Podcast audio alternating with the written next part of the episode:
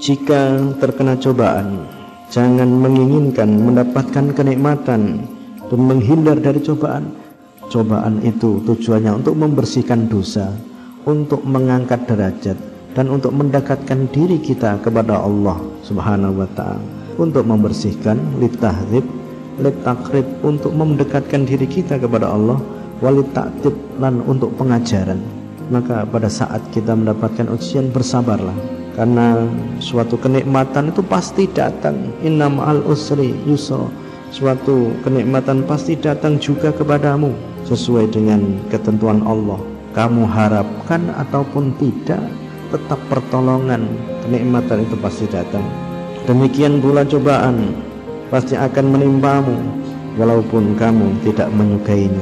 Beriman dengan kodok dan kodarnya Allah kondok dan kodarnya Allah takdirnya baik dan buruknya itu semuanya sudah dikendaki Allah semuanya sudah ditulis dalam loh mahfud. Karena itu tugas kita adalah berserah dirilah dalam segala urusan kepada Allah yang mengatur sesuai dengan kehendaknya selalu berusaha dan selalu berdoa tapi menyerahkan semuanya kepada Allah ridho dengan pondok dan kotarnya Allah ridho dengan takdirnya Allah